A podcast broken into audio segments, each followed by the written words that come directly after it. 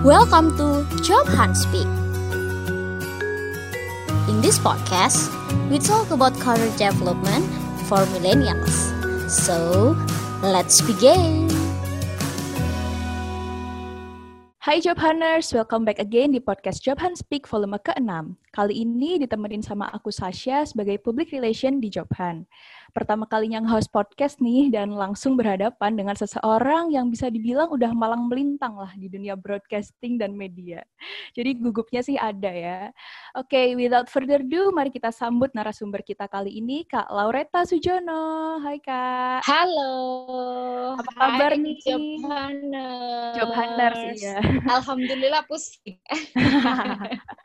oh iya, ini disclaimer ya Kak, karena kita masih physical distancing ya, dan kita take podcastnya Hmm. sendiri-sendiri nih Hmm, di rumah aja ya. banget, banget, Banget, banget. Oke, Kak Reta boleh diperkenalkan dulu ini eh, kepada Job Hunter. Siapa sih Kak Reta itu? Oke, ya, Job Hunter, saya Loreta Sujono. Eh, saat ini saya em, sudah apa ya ibarat itu saya sebenarnya seorang media person. 12 tahun eh, berkarir di media broadcasting, terutama di radio, tapi saya juga seorang eh, online media journalist di creativedays.com. Oke, jadi kalau melihat apa ya, melihat perjalanannya Kak Reta ini emang sudah eh, malang melintang ya bisa dibilang Kak di dunia media, industri media itu. Oke, jadi Kak Reta sempat mention kalau pernah jadi radio announcer ya Kak ya. Iya. Eh, itu bisa diceritain nggak sih Kak gimana ceritanya bisa terjun di dunia announcer itu?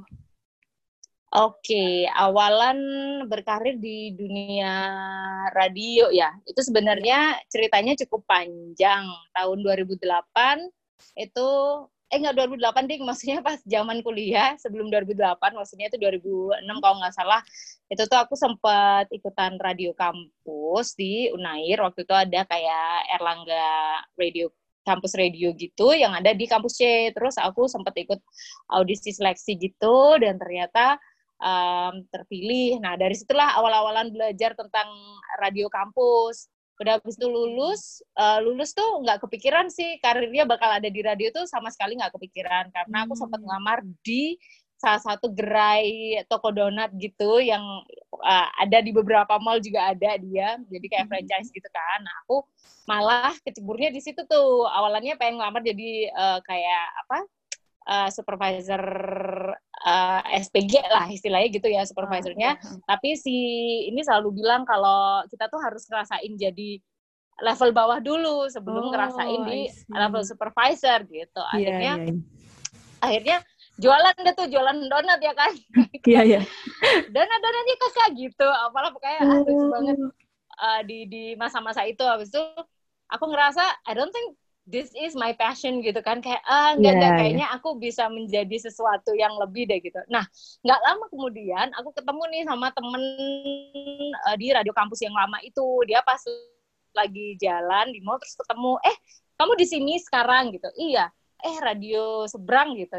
Uh, bikin apa namanya? bikin audisi. Dia bilang, "Kamu nggak mau nyoba?" gitu Mhm. awalnya agak-agak deg-degan kayak ah enggak deh gitu coba deh kan nggak tahu peruntungan seseorang kayak gimana Iya, benar banget.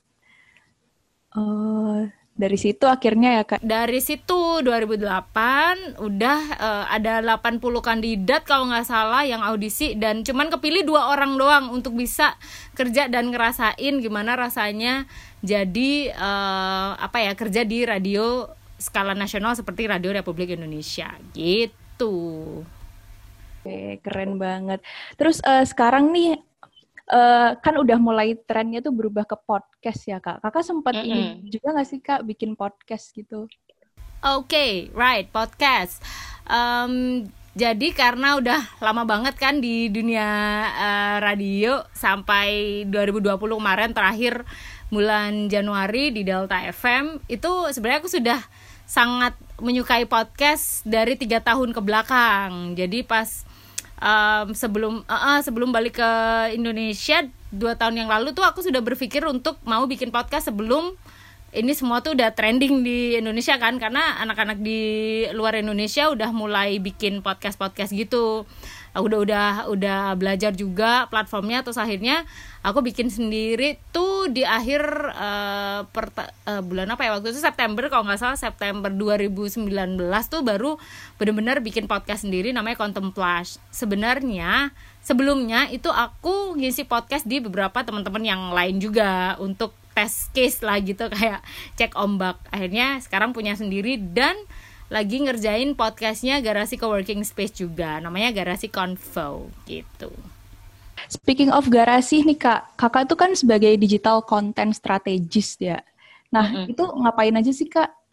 Digital content strategist, right? Jadi ini ada hubungannya sama uh, jurusan yang terakhir aku ambil di uh, apa pendidikanku yang terakhir kemar kemarin di 2017 itu aku belajar social media marketing kan. Terus tiba-tiba balik ke Surabaya ngerasa apa nih yang bisa diaplikasikan dari jurusan yang udah aku ambil gitu. Dan turns out uh, jalannya tuh kebuka aja gitu kayak uh, portofolio CV-nya semuanya itu make sense. Akhirnya kita, uh, aku ngelamar coba jadi digital media strategis yang ada di coworking space gitu uh, kerjaannya yang pasti adalah kita bikin strategi um, apa ya kayak digital social medianya harus seperti apa terus impact impactnya bagaimana ke followers dan juga market. Yang aku lihat nih kak ya, misalnya kakak udah pernah jadi radio announcer, terus juga pernah men, apa ya, udah punya podcast pribadi, terus juga uh, membuat membuat apa ya istilahnya konten untuk sosial media. Itu kan berarti lainnya tuh mm-hmm. uh, kakak tuh jago di bidang apa ya kak istilahnya? Branding ya? Atau presenting presenting something apa gitu ya, ya? Kak ya? Um, kalau aku bilangnya sih ini kayak sort of creative industry kali ya. Jadi iya, apa pun yang berhubungan dengan kreativitas dan produktivitas sih karena semuanya relate jadi satu benang merah dari uh, urusan media, urusan konten strateginya seperti apa, terus cara hmm. apa nih public speaking juga. Kalau bicara tentang industri medianya tuh awalnya kenapa sih kak kakak tertarik gitu? Aku nggak iya. pinter di dunia X. Aku nggak suka fisika, aku nggak suka dunia. Sama sih. I hate those things. aku sangat nggak menyukai semua hal itu dari zaman sekolah but I think um, apa ya linguistik tuh adalah hal yang sangat aku cintai waktu itu aku sangat suka belajar uh, linguistik terus suka ngobrol suka berkomunikasi sih intinya suka berkomunikasi hmm. terus aku mikir kayak ah seru ya, ya kerja di dunia media tuh bikin orang sangat uh, terbuka dengan semua perubahan, terbuka akan semua update yang terjadi di muka bumi ini gitu. Dan hmm. buat aku belajar itu kan setiap hari, maksudnya aku nggak pernah ngerasa puas nih dengan apa yang sudah aku dapetin hari ini. Jadi bekerja di dunia media itu bener-bener kayak Pandora banget nih ada kotak Pandora yang isinya tuh surprise tiap hari tuh nggak pernah yeah. ada yang sama and it's oh. surprising gitu. Oke, kita nggak pernah tahu apa yang kita dapat selanjutnya ya istilahnya. Mm -hmm, benar, benar. Oke, terus kalau misalnya ngomongin tentang media ya, kira-kira tantangan terbesarnya tuh apa sih Kak yang sering dihadapi di industri ini? Tantangan di dunia media, yang pasti harus update, harus update, keep up bener, sama ya.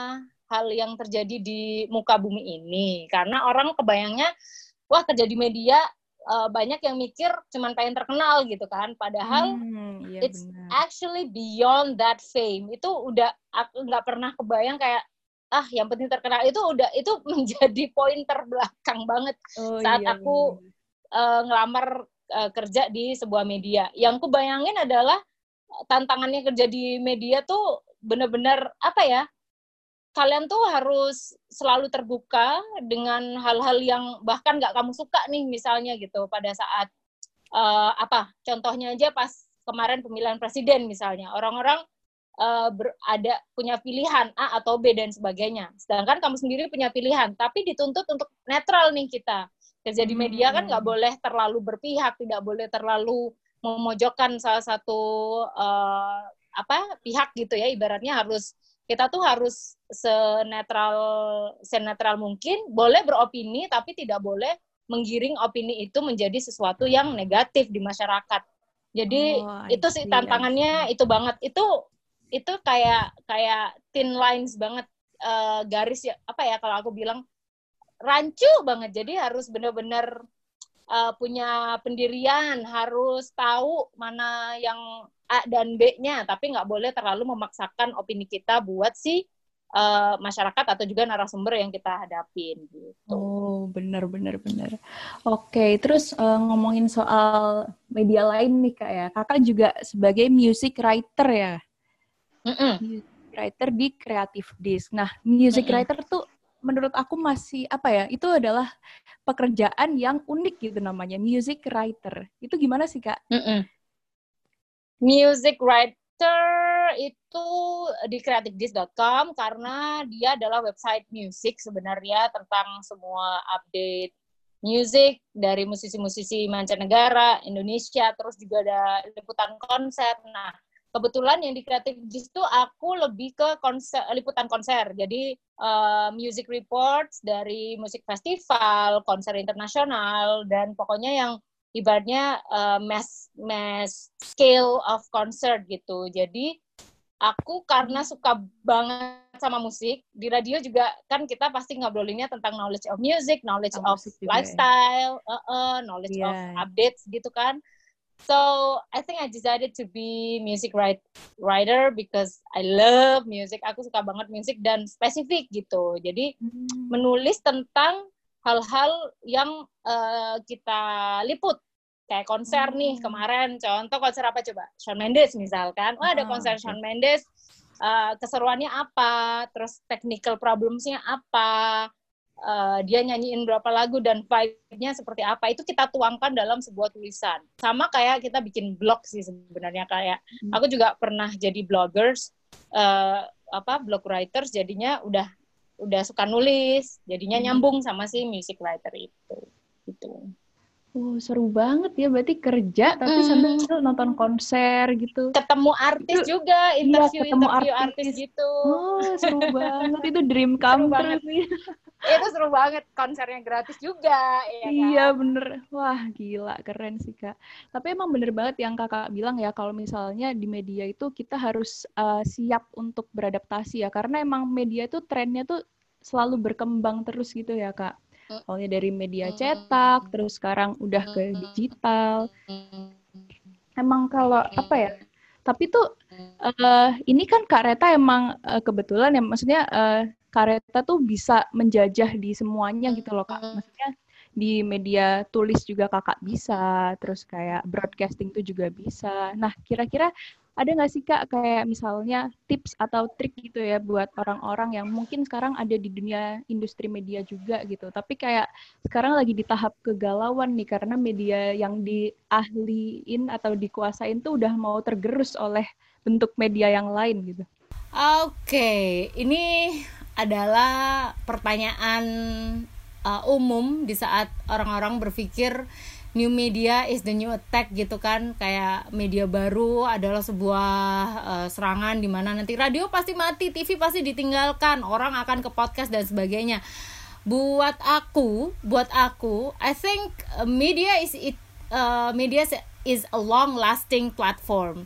Jadi cuman bentuknya aja yang berbeda. Tapi fungsinya media adalah memang untuk menyampaikan sebuah informasi apa pun. Jadi mau bentuknya bagaimana mau itu bentuknya audio seperti radio dengan music atau TV dengan visualnya atau podcast dengan conversationnya atau YouTube dengan dengan kebebasannya untuk kita bisa mengakses uh, program atau konten apa pun buat saya media is the media gitu. As long as that media evolve misalnya kayak radio station nih sekarang radio juga punya podcast. Nah ya kan? Ya Hmm, berarti mereka iya, mencoba di di banyak alam. Jadi itu kalau aku bilang water testing sih kayak mereka test the water mereka mau cek ombak dulu kayak gimana.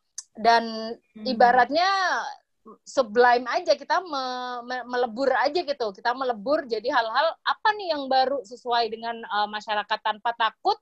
Dibilang meninggalkan um, ciri khas nggak apa-apa. Buat Oh, saya oke, itu fluid banget. Itu sesuatu yang sangat uh, apa ya sangat sangat sangat terbuka untuk berubah menjadi apa pun. Jadi eh, saya sih nggak nggak pernah takut. Media mau dijadikan bentuk apa pun selama kita sebagai media person tahu fungsi media itu untuk menyampaikan sesuatu ya itu akan tetap akan tersampaikan. Jadi I don't need to be worry about that.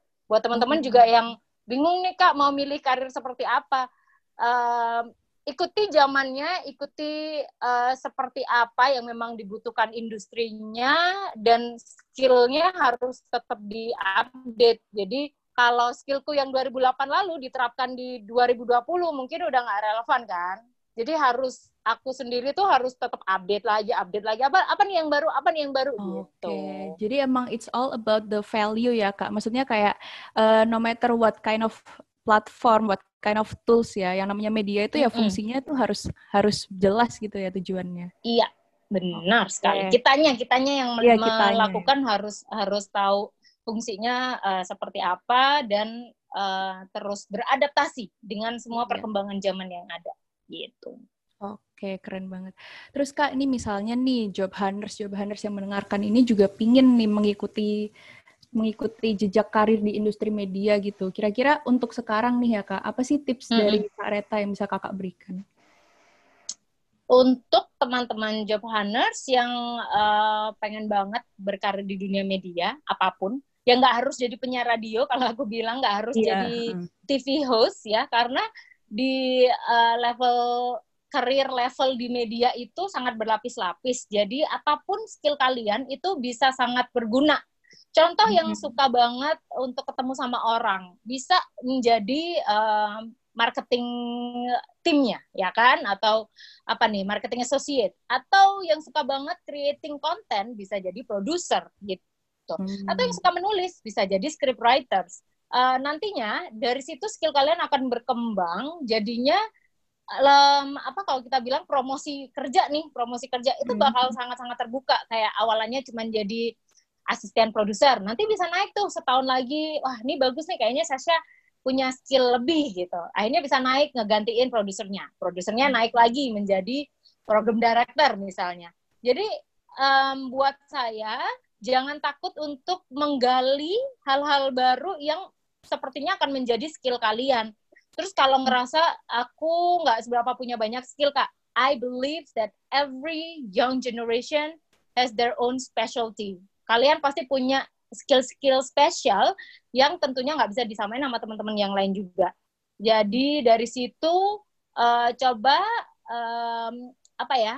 Coba tantang diri kalian untuk mencoba hal yang baru, keluar dari comfort zone, terus abis itu terima apa pun yang ada di depan kalian dan belajar terus. Kalau misalnya dikritik nih sama senior di di ini kamu harusnya gini gini gini, nggak usah terlalu berkecil hati karena itu adalah eh, kritik dan sesuatu yang bisa membangun kalian nih di masa Iya, depan bener gitu. banget. Pokoknya jangan baper. Kalau aku bilang jangan baper. Yang iya, ketiga, jangan baper ya. Mm-mm, jangan baper. Terus attitude ya. Jadi kita tuh suka banget kalau ada anak-anak yang baru ngelamar kerja misalnya, terus dia tuh punya uh, prinsip prinsip kerja yang bagus nih, etos kerjanya bagus, anaknya nggak sok-sokan, dia mau belajar, terus abis itu dia terbuka dengan semua perubahan. Itu attitude yang paling keren, paling kece yang harus dimiliki oleh setiap eh, apa individu profesional ya. Jadi kalau orang udah punya skill itu untuk mereka tuh tetap mau belajar dan tidak mudah puas, buat saya itu adalah kunci kesuksesan eh, seseorang yang memiliki skill profesional apa pun. So, yeah, attitude it's it's really important gitu sih. Dan Oh, tetap update sama berita-berita yang ada. Gila, benar-benar well spoken Gitu. ya. Semoga ini bisa jadi motivasi ya buat para job Iya. hunters yang mungkin Mm-mm. emang amin amin. tertarik ya di industri media. Mm-mm. Oke, dan satu hal lagi yang aku aku suka banget tadi kata-katanya Kak Reta ya. Kalau misalnya kalian nih yang emang tertarik terjun ke industri media, jangan pikir kalau itu hanya untuk fame semata ya Kak ya. Mm-mm. Bener Benar. banget. Jadi eh, emang kita tuh harus punya tujuan, punya value yang emang emang mau kita apa ya, mau kita tampilkan ya lewat media ini ya. Mm-mm. Mm-mm. Oke, Jadi karena kalau karena fame kayak nggak nggak abadi kan maksudnya Iya, kalian bisa terkenal tapi kalau attitude nggak baik ya juga sama kamu Iya. bakal dibenci sama orang lain mau cari Iya, kerja iya. tempat lain orang udah denger kayak eh jangan deh jangan Sasha Sasha tuh anaknya begini begini akhirnya malah nggak dapet kerjaan bagus. Kalau kita nggak ngejaga eh, apa ya attitude kita dan sebagainya itu sangat sangat relate sama masa depan kalian ke depannya. Oke, gitu sih. True. Oke, terus sekarang itu kan emang ini ya Kak fenomenanya kan gampang sekali ya untuk bikin konten, terus nge-share ke sosial media karena emang udah udah aksesnya udah banyak banget dan dan apa ya, yang namanya instant fame itu juga udah sangat amat gampang gitu ya Kak sekarang. Mm, mm, Itu yang mm. justru bahaya ya Kak. Iya, iya. Iya sih, itu buat aku kayak em, tren nowadays banget ya. Kayak Iya, jadi selebgram, jadi influencer gampang banget lah. Kayak jep-jep-jep gitu, kalian bisa dapat endorsan berapa ratus ribu dengan effort yang mungkin, menurutku influencer juga tetap butuh effort kan. Mereka Iya, tetap, harus tetap. butuh handphone yang cukup bagus Iya, teknologinya, foto gitu. foto, beli bajunya, aksesoris dan Iya. sebagainya. Jadi em, kalau memang seseorang itu mendapatkan kesuksesan tuh dengan proses yang cukup lumayan, I believe ke belakangnya dia juga akan berusaha untuk mempertahankan itu dengan baik.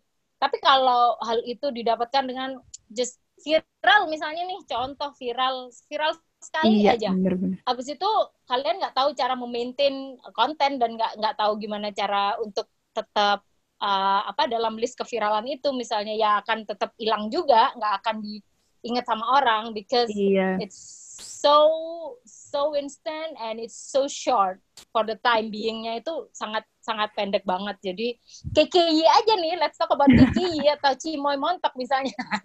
Si Cimoy Cimoy sama KKI dia uh, once they're viral tapi selanjutnya mereka langsung di di apa ya mereka punya manajemen yang akhirnya tetap memanage konten mereka untuk seperti apa sih yang dipengenin followers follow- uh, meskipun netizen tuh nge-hate semua tapi Iya. kayaknya tuh pinter-pinter banget untuk mempertahankan kontennya sehingga followersnya naik terus meskipun Oh, oke, oke. orang-orang pada benci kan sama dia kayak Iya, "Ah, iya. apa sih gitu tapi dia tetap tetap ada effort tuh ada effort untuk tetap bikin konten biar orang lihat lagi orang benci lagi tapi dia dapat duit dari situ Iya, iya. siapa yang dibawa siapa yang dibodohi bukan dia yang ngerasa bodoh enggak tapi kita yang sebenarnya Iya, kita orang-orang yang orang-orang yang nge-hate lebih tepatnya ya. yang nge-hate itu kamu ngasih kesempatan kayak gini untuk lebih kaya lebih kaya dan lebih lebih bikin konten lagi gitu iya sih. itu game itu game iya sih bener juga. Tapi tuh emang eh, ciri khas tuh menjadi salah satu hal yang apa ya menandakan eh, kamu bakal diingat sama orang atau enggak gitu nggak sih kak? Karena kan ini KKI dia ada Mm-mm. ciri khasnya sendiri. Karakter gitu ya. Iya. Mm. Nah, Ca- ciri Iya. khas itu bisa dibangun nggak sih kak? Atau kayak itu ya udah naturally aja dari setiap orang? kalau aku bilang semua orang kan punya karakter beda-beda. Coba Sasha, satu karakter yang paling menempel sama Sasha apa? Waduh apa ya? Eh, Centil mungkin kata teman-teman aku. Oke, good. Sasha centil. Nah, berarti kan sudah punya image nih. Wah, kalau Sasha tuh anaknya lucu, centil gitu.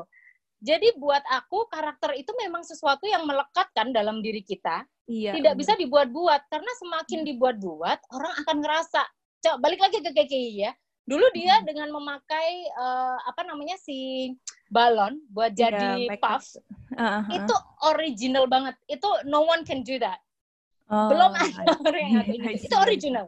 iya. Lalu semakin ke sini, aku ngerasa oh kayaknya kontennya semakin dibuat-buat, which means dia udah uh, agak-agak bingung sama pencarian identitinya sendiri gitu. Ah, iya. Jadi jadi buatku adalah tetap menjadi diri kamu dan tidak tidak perlu mendengarkan hal-hal yang tidak sesuai dengan dengan kesukaan apa dengan hal yang melekat dalam diri kita misalnya Syah Syah kamu jadi orang yang serius dong Syah. Jangan yang centil. Ya eh, ya bisa tapi nggak bisa yang terlalu serius banget guys. Itu bukan aku. Jadi intinya Oh, iya. karakter tuh tidak bisa dipaksakan. Karakter tuh Hmm. sesuatu yang memang udah ada tapi kalau mau dibangun misalnya kamu ingin membangun pengen menjadi Sasha yang lebih konsisten misalnya. Ya kan? Mm-mm, itu iya. berarti habit berarti bukan karakter kita ke kebiasaan Sasha Oh, akan menjadi orang yang konsisten yang aku bakalan ngerjain podcast tiap minggu aku nggak boleh lelet aku nggak boleh itu berarti adalah uh, kebiasaan yang dibangun dan menjadi sesuatu hal yang baik jadi value-nya Sasha ke depannya gitu. Oh, oke, okay. I see, I see. Emang itu ada bedanya ya Kak antara habit dan juga apa namanya tadi? Karakter. Karakter. Karakter. Mm -hmm. Oke. Okay. Kak, kalau boleh tahu Kakak tuh uh, background education-nya dulu apa sih, Kak? Kalau pas kuliah aku belajarnya bahasa Inggris. Uh, oh, pertama uh, itu yeah. yang di Unair, terus di apa waktu itu Fakultas Sastra. Terus hmm. tahun 2000 eh lupa ih. 2000 berapa? 2017 ya? 2000 eh 2017 itu sempat dapat uh, scholarship buat uh, di apa dari US Department of States. Itu namanya CCI aku belajar hmm. tentang social media marketing. Oh iya yang tadi degree, gitu. oh, oke. Okay. uh, terus apa namanya kak? Kalau ini kan kakak ini kan ya berarti termasuknya itu bukan dari background communication ya kak ya? Enggak, enggak, hmm. sama ya, sekali okay. enggak. sama sekali enggak. Jadi emang emang ini ya kak, mestinya enggak enggak menjamin ya orang-orang yang pinter di broadcasting atau atau apa di media ini itu adalah asalnya dari uh, background education yang mendukung ya kak. Mm -mm. Um, karena aku bilang tadi bahwa kadang jurusan tidak uh, kadang jurusan tuh nggak nggak uh, apa ya kadang nggak searah dengan passion kita. Ada yang kuliah karena dipaksa orang tua kan. Iya. harus masuk ke ekonomi gitu. Padahal anaknya suka ngomong anaknya komunikasi banget nih atau anaknya anak psikologi banget gitu. Suka banget hmm. baca suka ngelihat karakter seseorang suka uh, gitulah ibaratnya. Jadi buatku tuh nggak ada nggak ada batasan nggak ada limitation. Anak uh, teknik perkapalan yang pinter ngomong juga bisa jadi seorang public speaker, ya kan? Iya. Terus uh, seorang iya. anak komunikasi pinter IT, akhirnya dia jadi apa nih? developer. Dia jadi apa iya. kayak um, IT developer programmer dan gitu ya. programmer. Itu buat aku tuh bukan sebuah batasan jurusan apa pun kalian sekarang kalau ternyata ada skill-skill baru yang tumbuh itu adalah hal yang harus kalian kejar lagi karena bisa jadi itu sumber pencaharian selanjutnya di masa depan. Iya, Begitu. Iya bener banget kak. Oke, wah gila benar-benar insightful banget ya. Tadi kita udah ngomong kurang lebih 30 menitan lah ya ini sama Kak Eta. ada ya? closing, ya? iya nggak kerasa banget. Ada closing statement gitu Kak untuk job hunters yang mendengarkan sekarang. Oke, okay.